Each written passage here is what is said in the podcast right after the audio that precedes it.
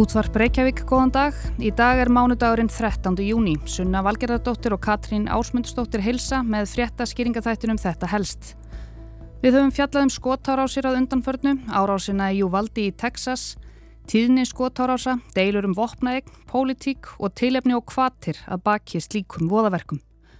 Í dag ljúkum við þeirri umfjöldun í byli með því að ræða við Solveigu Önnu Bóastóttur, professor í Guð fræðilegri siðfræði við Háskóla Íslands um hið illa. Ílskunni hefur verið kent um ófá voðaverk. Katrín spyr Solveigu Önnu út í byrtingarmyndir Ílskunnar, mótvægið við henni og hvort sé í raun sterkara þegar allt kemur til alls, hið góða eða hið illa. What happened in Uvalde was a horrific act of evil. Our country is sickened. by the senseless evil that struck Robb Elementary School in Uvalde, Texas. And it is an evil that has happened too many damn times. The fact is, there will always be sick and demonic souls who wish to harm the innocent and see malice triumph over good. And now is the time to stop those with evil in their hearts. The existence of evil is one of the very best reasons to arm law abiding citizens. Hræðilegt yllvirki var framið í Texas. Glórulegs ílska skall á ropp grunnskólanum í Uvalde. Ílska sem ráðið hefur ferðinni allt of oft. Það verða alltaf til veikar og andsetnar sálir sem vilja sjá heið illa sigra heið góða. Nú er tími til að stöðva þá sem bera ílskuna í brjósti. Tilvist hins illa er einn fremsta ástæða þess að leifa skotvopna eign almennings. Svona útskýrðu menn eins og Greg Abbott, ríkistjóri Texas, Mitch McConnell, leðtogi republikana í öldungadeild Bandaríkja Þings, öldungadeildar Þingmaðurinn Ted Cruz og Donald Trump fyrfirandi Bandaríkja fósiti, það sem átti sér staði úr valdi í Texas í síðasta mánuði þegar 18 ára piltur skaut 21 til bana í grunnskóla í smábænum þar af 19 börn. En er málið alveg svona einfalt? Var bara heið illa að verki þar? Hvað er þá ílska og hvar finnst hún? Hvernig virkar hún? Er hún ósigrandi afl? Ég bar það undir solveigu önnum en hún segir að óumdeilt sé að ílskan sé til. Raunveruleiki ílskunar blasi við. Hins vegar séu ólíkar hugmyndir og blæbreyðu uppi um hvað ílskan sé og hvernig hægt sé að útskýrana. Það hefur uh, náttúrulega eh, lengst af verið, verið vísa til hins illa sem einhvers konar svona uh, bara frumspekilegs uh, kraft, já, einhver kraftur eða einhvert afl sem að er á, á stjái í veröldinni. Og mjög algengt að, að lýsa í þannig að, að svona hið góða og illa tekst stöðugt á á vettvangi þessara jarðar sem við, við lifum á. Þannig að það er mjög svona algeng sín á að, að þú talar ekkit um ilskuna nema þú talar um gerskuna og, og hið góða. Og að þetta séu tvö svona megin öll sem að takist á. Og þetta er náttúrulega mjög hérna, þekkt bara svona í, í samtíma afþyringarefni það er alltaf hérna illa aflið og, og vondu kallarnir og, og góðu er það ekki? Þannig að, að krakkar í raun og veru held ég alast upp mjög mikið með svoleiði sín að, að það séu stöðu átök um þetta og auðvitað veðja allir á, á hitt góða og vilja vera þeim megin. I'm going to kill you Harry Potter. I'm going to destroy you. There is a great disturbance in the force. Long live the king. Í okkar uh, samfélögum og samfélögum í kringum okkur, hvernig byrtist ílskan okkur og til dæmis eins og í tengslu við uh, fjölda skotarásinnar sem við fjallaðum hér að undanferðinu. Hvernig, hver er þarna byrtingamind ílskunar? Já, það er uh, ofbeldið. Þetta, þetta eins og maður segir tilgangslösa ofbeldi sem, sem að hefur eiginlega ekkert annað markmið heldur en að valda skafa þannig að e, maður getur sagt sem svo að, að aftreyingarefni samtímans er uppfullt af því líka.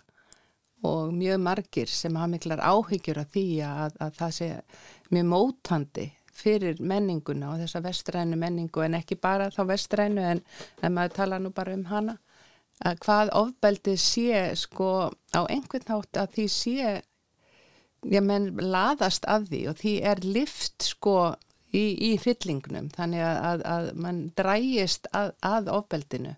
Og það séu svona þessi, þessar byrtingamindir ílskunar Solveigana talar líka um aðrar og annars konar byrtingamindir ílskunar í grein sinni Svo kom ílskan. Þar segir meðal annars Hins vegar er mikilvægt að viðurkenna ílskuna, horfast í augu við hana og nefna hana réttu nafni sem er mismunandi eftir aðstæðum. Á tímum loftslagsbreytinga þurfum við enn á nýjað endurhugsa ílskuna og bera kennsla á hinnar mörgu byrtingamindir hennar. Ílskan á tímum loftslagsbreytinga byrtist í jarðvegseyðingu, súrnun sjávar, dauða bíflugna og umhverfisbjöllun og umhverfislísum af mismunandi tægi svo að fátt eitt sé nefnt. Síðastan ekki síst byrtist ílskan í andlitum flótafólks og hælisleitenda sem flýja heimkenni sín í þriðja heiminum vegna aðgerða okkar sem búum í fyrsta heiminum. Og svo hafa náttúrulega verið bæði þegar einstaklingar en líka þegar það eru svona hópar á bakvið, skipulagt uh, ofbeldi að þar, það er náttúrulega svona þessar byrtingamindir sem við þekkjum eh, á, á þessari öld, það sem afir þessari öld, þessi, þessi svona ofbeldis uh, hópar sem taka sér saman þannig að, að það er einlegur viljið þeirra að, að valda skafa. En einmitt er alltaf ásetningur á bakvið ílskuna? Já, ég held að það sé alveg, alveg ljóst að, að til þess að tala um hið illa og, og, og illvirki að þá þarf að vera í raun og veru sko frelsi til að velja það. Við getum tekið dæmi um að eh, hermenn sem eru nú skikkaðir til stríðs að þeir hafa í raun og veru ekki val, þeir verða að fylgja sínum herfóringja. Vissulega eru verk þeirra ill en þau eru ekki beinlinis valin af þeim sem fremjaði þannig að þá þarf að vika þessa mynd og, og sjá að, að það er eitthvað illt kerfi líka á bakvið. Þannig að, að það sem á svona nútíma hugsuðir eða þeir sem eru að hugsa núna um ilskuna leggja mikla áherslu á þessa svona struktúrelu ílsku eða svona kerfislegu ílsku að, að hún er innbyggð í mörg manngerð kerfi. Og, og annað dæmi um það væri þá flóttamannalögjöf sem er sett á, á af aðstu líðræðustofnun einhvers ríkis um það hvernig eigi að fara með flóttamenn. Og, og þetta dæmi sem þú last upp þarna að þá væri það svona kerfislag ílska að við sjáum það í augunum á fólkinu sem verður, verður fyrir ákveðnum uh, reglugerðum og reglum og lögum. Þannig að sko mér finnst vera mjög mikil ársla á það núna hjá þeim sem að yfirleitt eru að, að láta sig þetta hérna, mjög svo svona klassiska og dálta í svona frumspekilega efni varða að taka alveg niður á jörðina og, og, og í veruleikan sem við lifum í jafnvel tala um hið illa í fleirtölu til þess að draga úr sko einhverju svona dölúðugu að, að þarna er þetta illa afl bara að þetta eru mannana verk og þau eiga svo marga byrtingamindir sem eiga sér oft svona kervislegar rætur.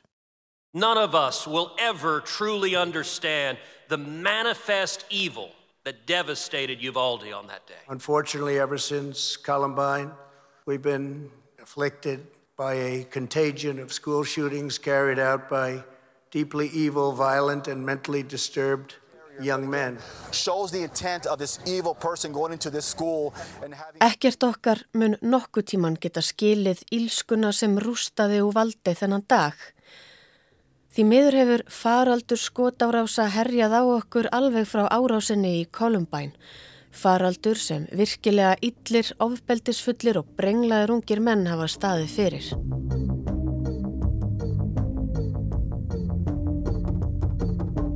Ófáir fræðimenn vilja meina að ílska sé einhvers konar frumspekilegt afl sem eins og solvegana bendir á byrtist gjarnan í mannana verkum. En er til beinlinis ílt eða vond fólk? Er hægt að vera vondur maður? Og hvaða áhrif og ábyrð höfum við þá gagvart íllum öllum heimsins? Já, ég held að svarið, svarið við því sé að uh, ef maður uh, gengur út frá því að uh, maðurinn hafi það sem hefur verið kallað frjálsvilji og á þetta bentu nú heimsbyggingar í fornöld og vildu meina að Guð hefði skapað mannin og gefið honum frjálsan vilja. Og þá var eiginlega niðurstaðan af því að eh, maðurinn er skapaður góður en með frjálsum vilja þá getur hann valið hitt góða burt. Og þá velur hann hitt illa. Þannig að verið lögður rosalega mikil áherslu einmitt á þetta þú verður að hafa frelsi til að velja hitt illa.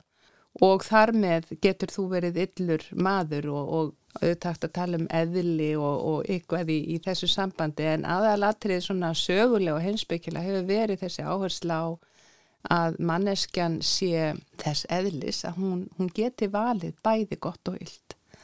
Og í Guðfræðinni hefur þá öll áherslan leigið á að henni beri auðvitað að fylgja sínum skapara hvers sköpunaverk hún er og, og velja alltaf heið góða en hún hefur frelsi til að velja heið illa.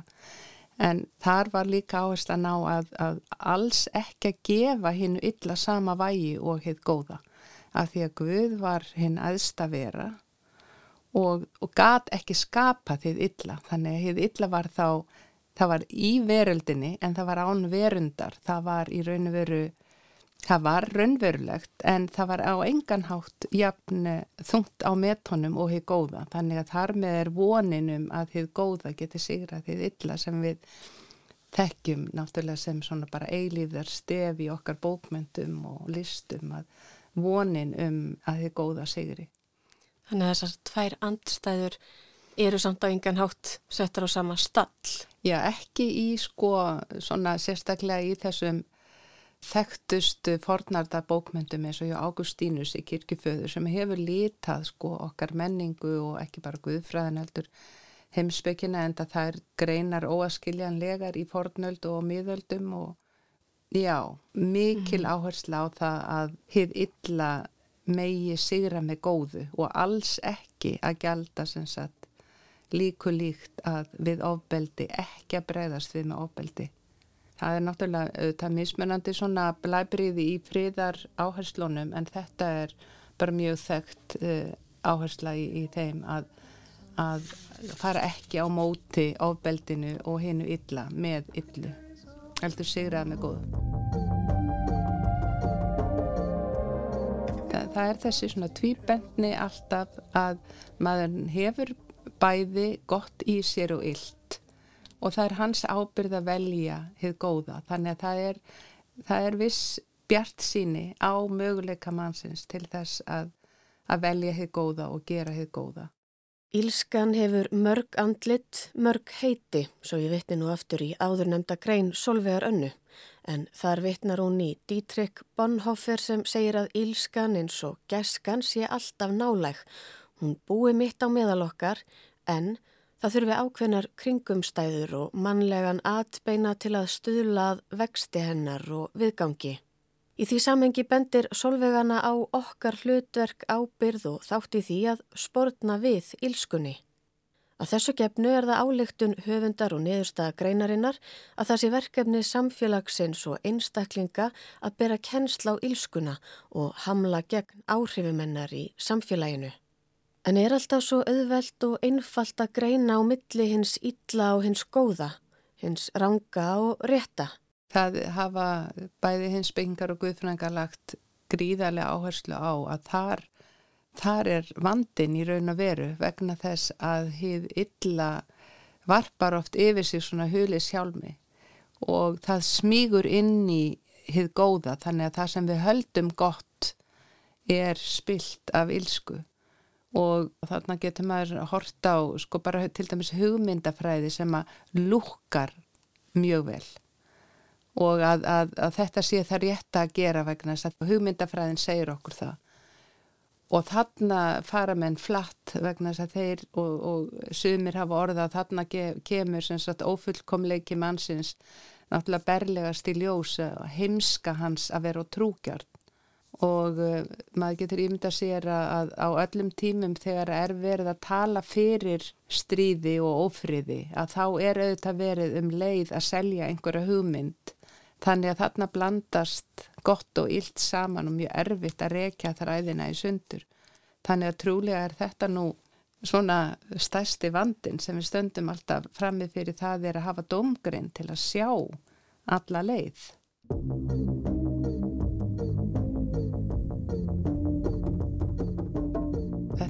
bara auðvitað okkar eilífa staða í veröldinni að reyna að leggja mat á hlutina og en við bara þekkjum það hér á landi og annar staðar að fólki er ekki sama um náungan alla jafna og það vill koma vel fram. Þetta sagði Solveig Anna Bóastóttir, prófessor í Guðfræðilegri siðfræði við Háskóla Íslandsum hið Ítla. Og við látum þetta vera loka orð þessarar örserju þetta helst um skotárásir og samhengi þeirra.